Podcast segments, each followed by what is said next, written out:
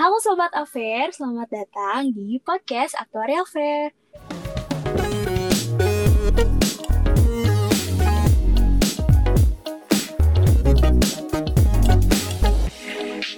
Kenalin, gue Siti. Di sini gue bakal ngobrol-ngobrol seputar aktuaria bareng Naomi. Sebelum kita lanjut, gue mau jelasin dulu apa sih sebenarnya aktuarial fair itu. Nah, aktuarial fair atau disingkat AFAIR adalah rangkaian kegiatan keren yang diselenggarakan oleh Himpunan Mahasiswa Aktuaria Universitas Pajajaran untuk mempromosikan program studi ilmu aktuaria yang sampai sekarang belum banyak diketahui orang-orang nih. Sekarang saatnya gue mau ngenalin siapa sih Naomi itu. Boleh dong, say hi. Naomi. Hai semua, oke salam kenal ya guys. Uh, jadi gue Naomi dari Aktuaria Unpad 2020. Hari ini gue bakal ngobrol-ngobrol bareng kalian. Hai semua. Hai, oke. Okay. Selamat datang di podcast Afer ya Naomi sebagai perwakilan mahasiswa aktuaria nih. Oke, okay, Naomi apa kabar nih? Oh, puji Tuhan baik banget nih, Sid. Kamu apa kabar? Alhamdulillah baik juga. Oke, udah siap kan ya? Gue mau tanya-tanya ini. Oke, yang pertama tuh gue mau nanya dulu tuh lo tahu aktuaria tuh dari mana sih? Uh, Oke, okay. jadi sebenarnya cerita funny story dulu tuh gue kan lagi kayak masih kelas 11 nih, gue masih kayak main-main, masih kayak seneng-seneng terus kayak tiba-tiba tuh teman gue, teman dekat gue itu kayak uh, eh nom hari ini gue mau tes bimbel nih, mau daftar bimbel, lo mau ikut gak? Hari ini kan kita gabut nih. Mm-hmm. Terus kayak gue, gue juga kayak ya sih gue juga mager pulang, bukan hari Jumat gitu kan sayang gue buang, mendingan gue main sama teman gue kan ya udah deh. Akhirnya gue ikut teman gue daftar bimbel sekalian Nah, tapi tuh pas saat itu tuh gue tuh bener-bener nggak tahu apa-apa tentang bimbel. Jadi tuh uh, boro-boro tentang bimbel kayak bahkan UTBK kuliah-kuliah tuh gue masih nggak tahu apa-apa. Jadi kayak pada saat itu gue mau daftar tuh anggapannya uh, gue tuh tadinya mau daftar uh, soshum karena hmm. uh, mengikuti jejak orang tua gue sebagai anak yang baik asik. Uh, cuman ternyata pada saat kita mau tes bimbel, ternyata yang pertama terjadi adalah hari itu nggak ada jadwal tes. Terus ya udah dong, akhirnya kita kayak nanya-nanya ngobrol-ngobrol gitu sama petugas bimbel kan.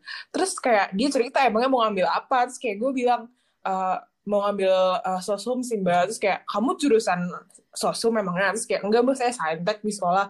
Wah berarti kamu harus belajar dari awal dong. Terus kayak gue kaget dong. Kayak lah lah emang belajar dari awal? Gue kira langsung aja.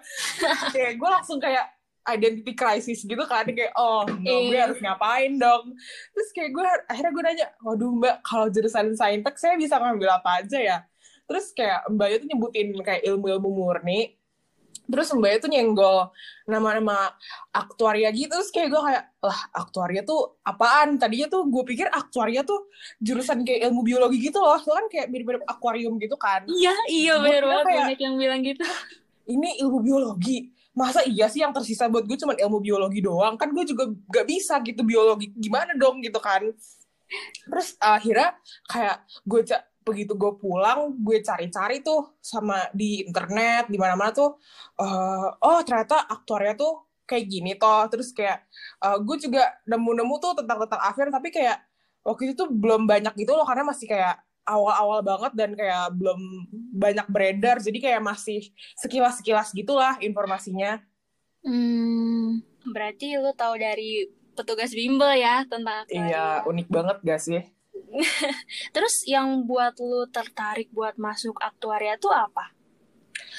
Um, jadi sebenarnya waktu itu gue kayak kepepet waktu gitu sih. Sebe uh, jadi gue waktu itu pas gue kelas 11 tuh, gue udah niatin pokoknya sebelum libur kenaikan kelas ke kelas 12, pokoknya sebelum libur itu selesai, gue udah harus fix, gue udah harus tahu gue mau ngambil apa supaya nanti gue tuh bimbelnya bisa kayak serius gitu loh kayak gue udah tahu tujuan hmm. gue tuh mau hmm. ke mana jadi kayak nggak nggak ada waktu terbuang. Karena kan kalau kelas 12 kayak lo punya waktu buat tidur aja kayak itu udah kayak wow. Tuh bener banget sih kerasa sama kayak gue juga. untuk lo bertanya-tanya itu untuk identity crisis tuh udah nggak ada pas lo kelas 12 gitu udah gak sempet lo kayak begitu. Jadi gue kayak ya udah ini ini benar-benar gak bisa gue udah harus tahu gue mau ngambil apa. Terus kayak akhirnya ya udah deh gue buletin gue mau ngambil aktuaria gitu Oh.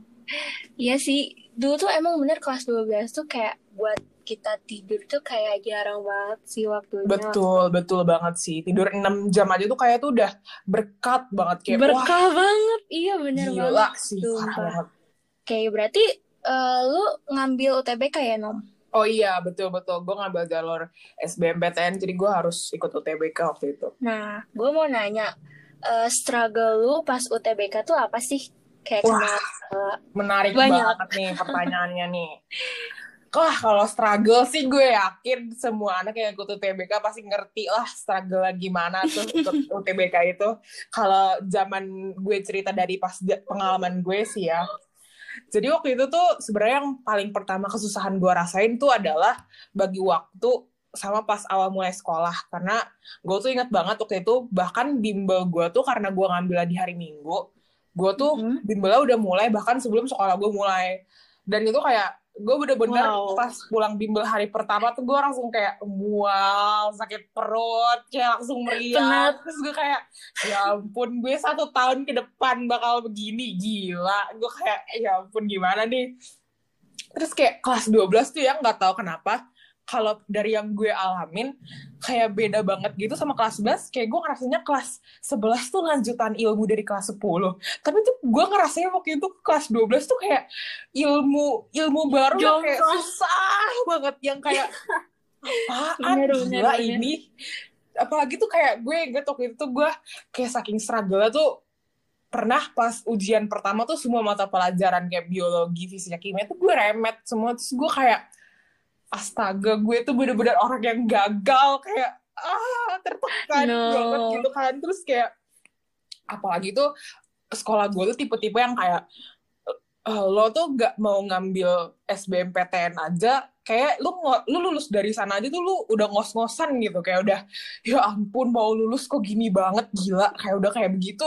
Terus kayak ditambah gue mau ma- mau ikut SBMPTN terus ditambah lagi yang mau gue ambil tuh aktuaria gitu yang kayak pada saat pada zaman gue ya pas gue kelas 12 setahun di Mm-mm. kelas 12 tuh kayak itu lagi booming banget tapi bukan di kalangan murid tapi di kalangan kayak guru-guru BK gitu loh jadi kayak setiap kali ada konseling yang guru BK omongin Iya, tuh pasti kayak banget. aktuaria aktuaria Bener kayak banget, bener banget. lama-lama yang dari cuman gue yang tahu satu satu satu angkatan gue kayak jadi kayak ada 15 orang yang mau ikut aktuaria terus kayak setiap kali ketemu gue di jalan Woi dong, Mm. gue mau masuk aktuaria juga, ntar kita barengan ya. Terus kayak, lo ketawa? kan saingan gue nambah, makin susah. Kok lo ketawa? Terus gue kayak, aduh gila dari sekolah gue aja 15, gue ngalahinnya gimana ini 15 orang kan, gila. Terus itu juga udah udah pressure banget, apalagi kan jujur aja nih ya, kayak begitu gue ikut bimbel, menurut gue tuh soal-soal bimbel tuh susah banget, kayak Bener sih, bener-bener banget, susah banget. Kayak matematikanya juga, kayak Iya. bukan yang kita pelajarin, gitu bener-bener harus analisis nalar. betul banget. macem. kayak waktu itu kan uh, masih ada TKA ya belum- sebelum ada Mm-mm. COVID itu kan dan itu tuh masih kayak uh, mat biologi fisika kimia dan gue tuh sehari tuh kalau lagi hari normal emang di bimbel karena 4 jam belajarnya itu semua tuh setiap ha- tiap hari gitu. Eh nggak tiap hari sih gue cuma Mm. sehari maksudnya tiap pertemuan bimbel tuh bahasa tuh empat mata pelajaran itu gitu kan. Terus kayak Mm-mm.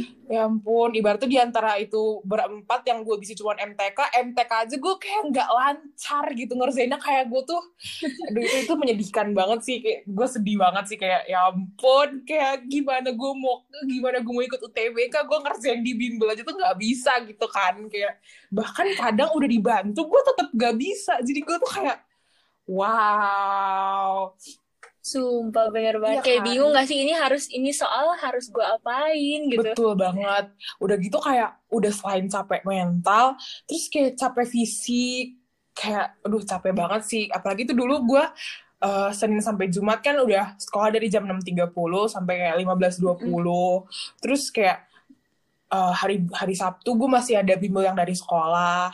Terus kayak hari Minggu gue bimbel dari bimbel gue. Jadi tuh kayak gue tuh tiap hari tuh gak ada istirahatnya gitu.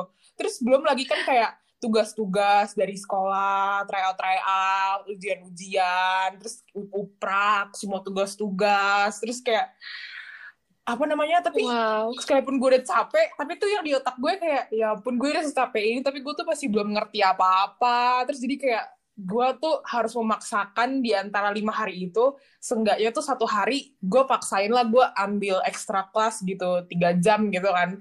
Bareng anak-anak yang kelas hari biasa. Wah itu bener-bener capek banget sih. Kayak gak, gak jarang tuh gue sampai rumah tuh jam 10 malam tuh gue udah gak bisa gerak. Kayak gue tuh mandi aja tuh gue udah gak kuat. Kayak mau bersih diri. Gue cuma kayak terbaring di lantai gitu. Kayak, kayak udah capek banget iya ya, bener. Kayak oh gila udah udah capek banget sih itu parah. Terus itu kayak wah gila sih. Uh, apalagi tuh itu pas zaman gue tuh udah stressful kayak gitu ditambah ada covid kan. Jadi kayak yang tanpa covid bener banget covid iya, nambah betul banget. nambah pikiran. itu nambah beban pikiran banget apalagi tuh covid tuh kayak jatuhnya tuh di bulan Maret kayak bulan-bulan paling krusial gitu kan kayak bener-bener tinggal di sekolah tuh masih tinggal kayak selesai ujian-ujian terakhir terus kayak lo lagi semangat semangat nih mau intensif kan kayak lo tuh udah semangat mau gak tidur gak makan gitu kayak uh untuk kayak demi perjuangan gitu kan udah membara membara ya demi PTN kan. aktuaria iya terus kayak bahkan tuh apa kayak kayak pas semester 2 nih ya kan jam bimbel gue dan bimbel-bimbel lain tentunya itu kan otomatis kan ditambah ya kalau jam bimbel gue itu dulu dari jam 7.30 sampai jam 3 jadi 7.30 sampai jam jam 6 kurang waktu itu jadinya terus kayak itu udah capek hmm. tapi tuh dulu tuh teman-teman di lingkungan gue itu kayak apa ya mereka tuh sering banget ikutan tryout tryout dari penyedia penyedia cerebro iya, iya. yang gitu-gitu kayak Hamify ya. gitu mereka tuh sering banget ikut yang kayak kalau bisa tuh tiap hari tuh tryout tuh dua kali gitu. Sebenarnya tuh gue tuh nggak suka tryout ya karena gue tuh merasa tertekan kalau gue tryout tapi kayak gue kan tidak mungkin ketinggalan dari teman-teman gue dong. Terus akhirnya kayak gue mau nggak mau memaksakan diri tuh ikutan tryout dan itu kayak capek banget banget. Sampai covid datang juga dan itu semua makin susah. Kayak sekolah belum jelas gimana bimbel juga nggak jelas kayak hmm. gimana. Terus kayak sistem UTBK juga jadinya kan kayak berubah lagi kan akhirnya sistem UTBK. Iya, yang yang tadinya ada TKA jadi Iya betul. Mungkin kayak sekarang kelihatannya itu kayak benefit, tapi zaman kita dulu ya, apalagi tuh pas kalau menurut diri gue, hmm. karena gue lebihnya di TKA, semakin jagonya di TPS, gue tuh merasa itu doang yang gue punya dan dan itu nggak jadi dipakai tuh, jadi kayak ya lah gue mah nggak punya kesempatan sama sekali dong. Gue tuh ngerasa tuh kayak begitu gitu. Hmm, terus apalagi? Karena lo lebih menguasai lebih apa ya belajarnya tuh di TKA-nya ya karena lo merasa nggak ngerti di situ jadi lo ya, pelajari betul, betul, itu betul banget. taunya nggak taunya nggak ada ya? bener-bener. Apalagi tuh waktu itu yang paling parahnya lagi uh, kayak sistem tak pertanggalannya tuh diubah yang tadinya tuh cuman berapa lama tiba-tiba jadi sebulan terus kayak uh, hmm. ada yang tadi empat sesi sehari dipendekin lagi karena covidnya makin naik jadi cuma dua sesi per hari terus kayak waktu itu sih gue beruntung gue dapet sesi yang nggak perlu nggak perlu berubah-berubah lagi terus kayak banyak yang nge-crash terus banyak yang apa banyak yang apa hmm. terus kayak uh, banyak yang bahkan udah dapet nih udah setelah melalui itu semua kesulitan ibaratnya tuh udah tinggal hmm. tes terus kayak tiba-tiba tuh uh, ada yang daerah tesnya kayak bilang nggak bisa kamu nggak yang dari luar kota kami nggak mau terima tiba-tiba kayak begitu atau tiba-tiba yang kayak harus bawa uh, surat. Surat surat itu surat apa sih? Surat trap gue nggak tahu itu namanya rapid test atau apa. Yang pertama-tama kali ada tapi udah harus bawa surat itu. Sementara tuh pada zamannya tuh surat itu tuh belum ada gitu loh. Belum kayak belum banyak dan kayak kalaupun ada tuh masih mahal banget. Iya iya benar banget. Terus kayak selain itu juga banyak yang tempatnya itu kayak ibarat itu setelah tinggal dijalanin tiba-tiba tuh ada tempat yang kayak tiba-tiba dinyatakan tidak layak untuk uh, melangsungkan UTBK tes. gitu kan melangsungkan tes di tempatnya karena yang kurang memadai uh, ke kebersihan atau apa yang nggak tahu lah. Tapi kayak hmm. jadinya tuh yang tempat UTBK di situ yang harus ngurus lagi. Jadi tempatnya tuh kayak berubah lagi berubah lagi gitu kan. Nah itu kan kayak kasihan. Soalnya mereka pasti juga udah capek mental kan. Sebenarnya kayak udah udah kayak mau belajar lagi juga udah capek. Kayak mau nunggu juga kayak deg-degan gitu kan. Kayak udah wah gila sih deg-degannya makin lama iya, ya. gitu kayak gue aja yang gak terlalu banyak struggle di situ ya tuh gue udah ngerasa gila berat banget sih. Itu kayak gimana yang lain. Apalagi tuh waktu itu um, gue inget uh, akhirnya pengumuman UTBK-nya kan dimundurin ya. Dimundurinnya tuh jadi hmm. kayak sebelum benar-benar sebelahan harinya sama pendaftaran perguruan beberapa perguruan tinggi swasta gitu loh. Apalagi tuh kayak di antara tuh yang gue minatin uh, buat cadangan gitu kayak semuanya tuh benar-benar misalkan pengumuman tanggal 14 ujiannya tanggal 15 gitu loh. Jadi kayak mepet iya ya. kayak gue mau belajar gue mau belajar tapi kayak gue tertekan nunggu hasil UTBK gue tapi kalau gue nggak belajar gue takutnya gue nggak keterima. Tapi tuh pas gue tes di PTS gue juga nggak keterima gitu kan. Jadi kayak wah gila sih roller coaster banget sih Kalau gue gue nggak ngerasain itu semua sih karena SNM jadi kayak ya udah gitu. Iya, ya lo, itu hasil kerja keras lo selama tiga tahun sih. Iya. Kalau gue sih emang, Iya. gue sih memang bukan anak yang rajin banget ya. Untuk Gue juga nggak nggak termasuk yang rajin banget. Kayaknya ini keberuntungan aja deh. berkat-berkat berarti ya sip ya. Iya, berkat, Tuhan. berkat. Oke, dari struggle nih apa sih motivasi lo gitu untuk bisa tetap semangat memperjuangkan aktuaria Ah, meskipun dengar berbagai struggle yang tadi lo ceritain itu apa sih motivasi lo? Oke oke.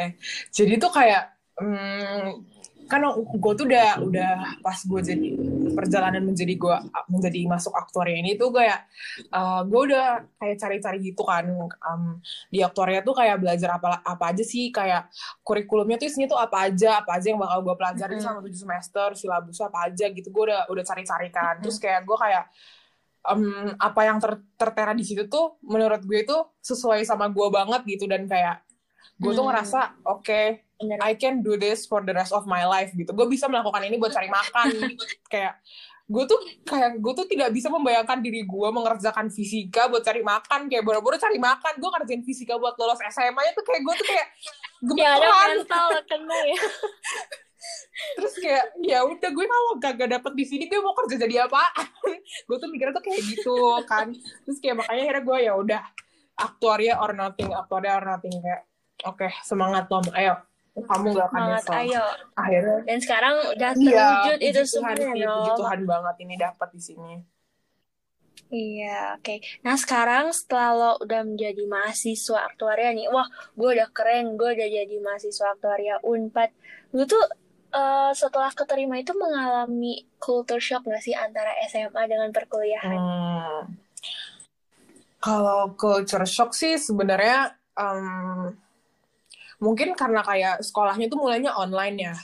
Karena gue tuh selama ini terbiasa kalau kayak mulai di tempat baru gitu, pasti gue langsung kayak dari hari pertama tuh gue bakal langsung kayak cari temen, langsung kayak ngobrol-ngobrol, langsung kayak jela- menjelajah sebanyak mungkin gitu. Tapi kayak karena ini online, gue tuh merasanya kayak apa ya, kayak aneh aja gitu. Kayak gue gue takut ke- kayak fear of missing out gitu loh kayak Hmm, aduh takut ada yang gue ketinggalan. Apalagi kan langsung Iya, mulai iya, ospek gitu kan kayak langsung mulai ospek. Tapi itu rasanya nggak kayak ospek karena kayak masih ospek universitas gitu kan. Jadi tuh nggak nggak lo nggak ketemu orang yang ospek bareng lo gitu kan. Jadi kayak bener-bener kayak kagak napak gitu deh. Kayak seperti sudah menjadi mahasiswa tapi kayak tidak merasa seperti menjadi tidak merasakan gitu kan. feelsnya. iya betul. Iya, iya. terus kayak ospeknya lumayan lama ya.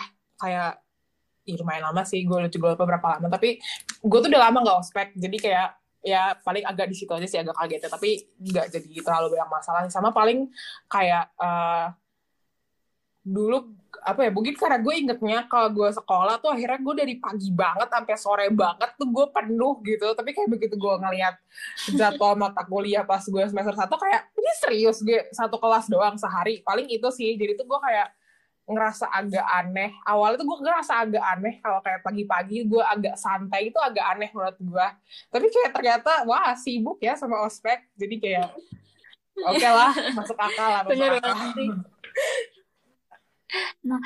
Eh, cara lu beradaptasi dengan teman-teman di Aktu tuh gimana Oh, sih? Oke, sudah.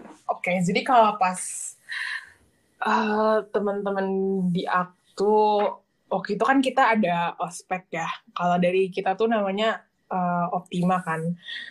Waktu itu tuh dari Optima kita kayak nggak mau tuh sering ngobrol gitu loh bareng teman-teman. Udah gitu kayak em, emang gue tuh tipe orangnya kan sering ngobrol gitu ya. Jadi kalau kayak ada forum-forum Iya, angkatan gitu, gue emang uh, tipe-tipe yang cukup banyak ngomong gitu. Jadi kayak dari situ kebetulan kayak beberapa hari kemu beberapa beberapa pertemuan berikutnya tuh udah mulai kayak uh, banyak yang ikut merespon keberisikan gue dan akhirnya kita berisik rame-rame gitu kan. Terus kayak lama-lama akhirnya kita bisa berisik bareng-bareng.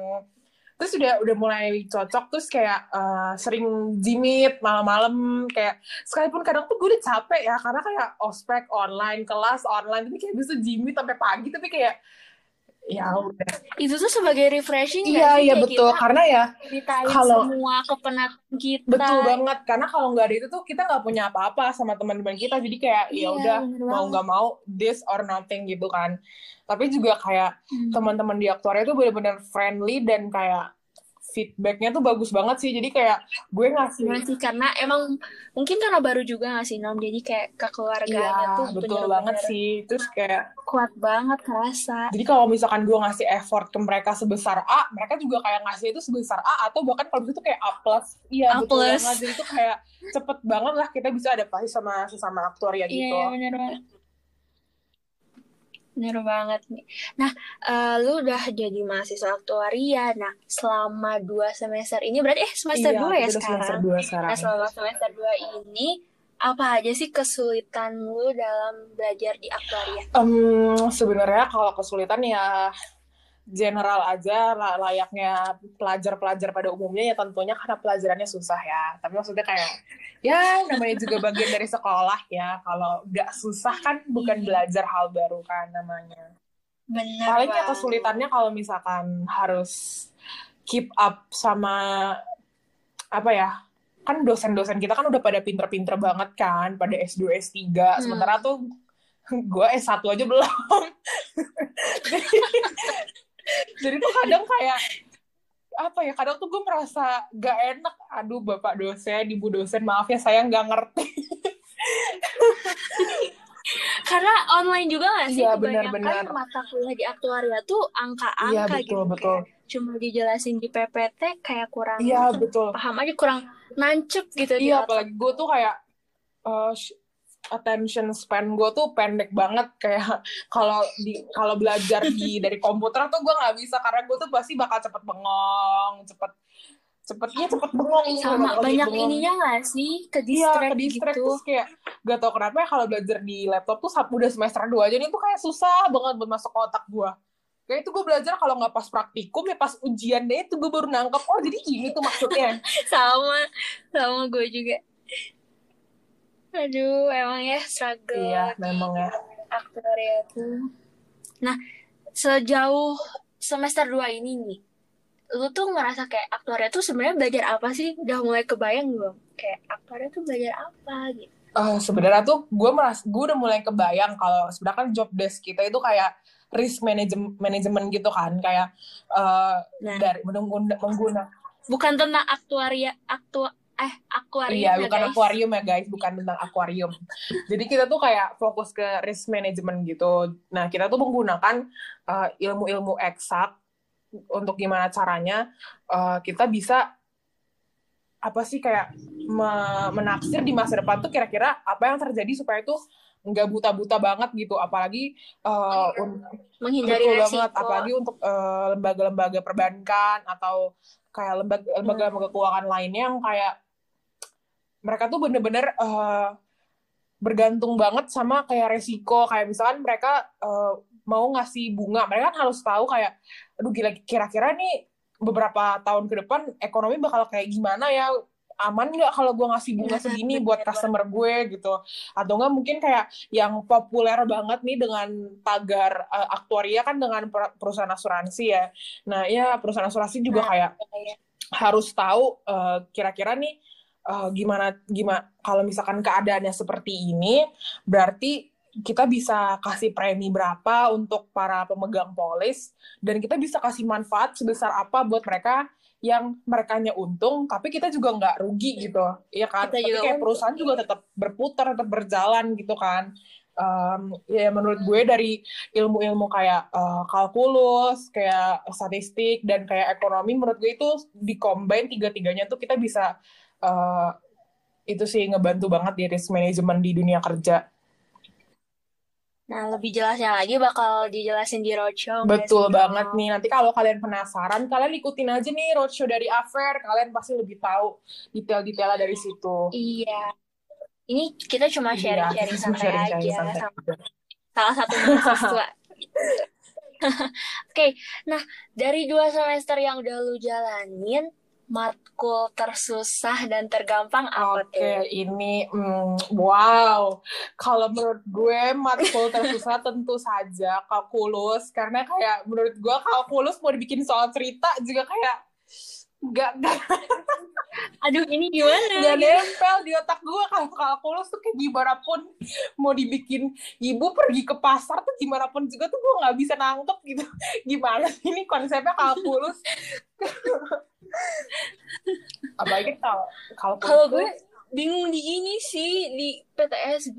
Oh ya teman-teman buat yang nggak tahu PTSB itu pengantar teori suku bunga. Gue masih bingung di situ sih. Oh iya iya, itu juga lumayan sih. Tapi kalau karena itu masih bisa dibikin kayak soal cerita, masih oke lah. Iya iya. Masih ada uh, Iya betul betul. Masih kayak kita bisa ngebayangin lah dengan otak kita kayak apa sih ini yang terjadi Iya, iya, kalau iya. kalkulus kayak coba temukan ini dari ini. Aduh itu gue mikirnya, aduh apa ini?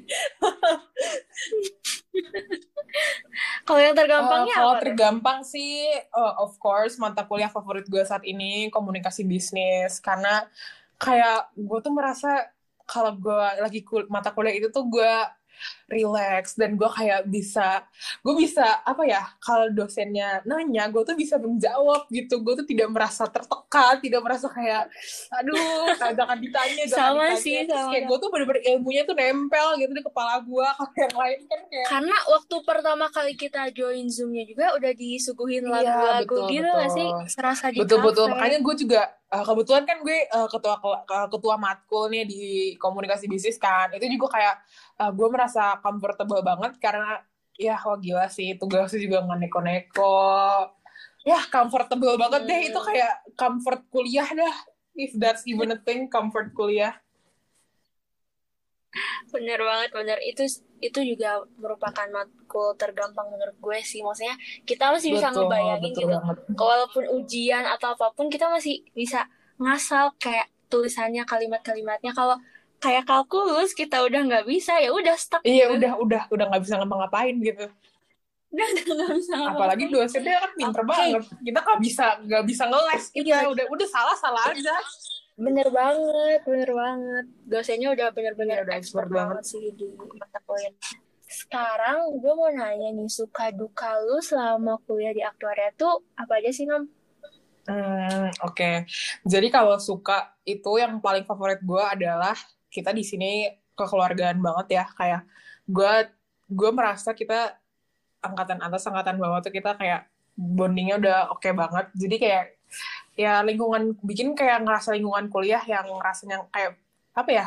Kayak kerasa lebih nyaman gitu aja bahkan kalau kayak bener. kuliah online gitu tuh bener-bener kerasa virtual gitu gak sih? Kalau gue sih merasa kayak kayak lagi main game gitu kayak kayak lagi virtual reality gitu gue kayak nggak berasa nyata gitu tapi karena kayak ada teman-teman yang baik dan kayak kating-kating yang baik gue ngerasa Sih, kita semua. iya betul-betul saling dukung banget. Terus kayak kalau misalkan ada project-project apa juga kayak kita tuh kayak bener-bener all hands on deck gitu loh. Kayak semuanya ikutan kerja gitu. Nggak ada yang kayak Merasa itu kan urusan lo. Itu Iya. kan urusan lo Kayak gitu. kayak bener-bener semuanya tuh mau bantu jadi tuh kayak kita tuh ibarat tuh kayak apa ya kayak masuk bareng keluar bareng tuh nggak mustahil gitu rasanya kayak buat kita karena saking oke bangetnya gitu kekeluargaan di antara kita asik Asik. Bener, ben- tapi itu bener guys, kayak kita tuh satu sama lain tuh kayak saling mendukung, saling support, saling Betul bantu banget. aja. Kayak nggak ada yang apatis-apatis gitu, walaupun mungkin ada sih, tapi kayak ya udah tetap saling bantu gitu ya nggak sih Nom? betul banget guys makanya masuk dong sini ke aktor 4 guys Iya, jadi bagian ketemu dari kita, keluarga ya kita kalau dukanya Iya paling dukanya kalau gue lagi kuliah terus dipanggil dosen terus gue nggak bisa jawab itu wah gila sih. wah itu sih bener-bener sih Hah, soalnya aktor itu jujur aja itu Rasanya pingin ngeklik tombol lift ya. Iya kayak aduh tapi kan zaman sekarang kan kalau di Google Maps tau gue kalau kita live itu ketahuan tahu jadi kayak ya ya udah emang harus Iya, iya. emang harus ditanggung beban moralnya beban tertekannya itu emang udah harus ditanggung sih. Kayak ya udahlah mau diapain lagi? Udah kita tidak bisa tidak bisa ngeles ngeles lagi. Paling itu sih dukanya kalau dipanggil nggak bisa jawab sama Iya bener banget, bener banget. tugasnya susah-susah banget Oke, kan lu udah udah keterima di aktoria. Nah harapan lu tuh setelah lulus tuh ntar lu bakal jadi apa sih? Maksudnya harapan eh, cita-cita lu setelah lulus tuh bakal jadi apa gitu? Udah ada Eh. plan atau apa? tentunya gue mau jadi aktuaris dong seperti kita kita gue pengen jadi aktuaris dan gue sih pengennya ini kepengenan gue dari dulu ya pengennya ya kerja di bank karena uh, orang tua gue kan dua-duanya juga orang bank. Jadi kayak Hmm. uh, terus kayak dari kecil juga gue sering diajak ke tempat kerja gitu loh. Soalnya kayak tempat tempat kerja mereka sering kayak adain acara buat anak-anaknya juga. Jadi gue sering ikut ke sana. Terus kayak gue merasa kerja di sini tuh wow kayak gue banget lah gitu. Kayak sesuai Hmm. sama gue banget. Jadi kayak gue pengennya lulus dari sini gue mau kerja jadi aktuaris di bank Wow, berarti lu eh, fokus buat sertifikasi nggak sih, Nom? oh iya dong kalian penasaran gak sertifikasi itu apa Kalau Makanya. penasaran, ikutin. roadshow affair oke Ah. guys jangan lupa Di sana bakal dibahas lebih lanjut sih, guys. Jadi ikutin aja Roadshow Affair. Oke, nih yang terakhir nih, yang lu harapin selama kuliah di aktuaria tuh, lu bakal menjadi pribadi yang seperti apakah atau apa gitu. Coba ceritain. Um, Oke, kalau yang gue ha- harapin sebenarnya kan gue tuh melihat masa kuliah itu sebenarnya yang masa kuliah yang singkat ini yang cuma 3 sampai 4 tahun ini tuh kayak kita yang tadinya masih anak-anak SMA yang nggak tahu apa-apa yang kerja cuma main-main doang kayak ibaratnya kita tuh kayak dipaksa untuk langsung jadi kayak orang dewasa gitu kan. Gue sih eh, berharapnya eh, di aktuaria ini keadaannya akan terus kekeluargaan seperti ini gitu akan tetap saling uh, saling bantu membantu dan saling empati dan saling peduli sampai kayak akhirnya kita bisa kita bisa sukses bareng-bareng gitu Betul banget, masuk bareng, keluar bareng. betul banget makanya Oke. masuk aktuaria unpad Oke. Bener banget, guys. Oke.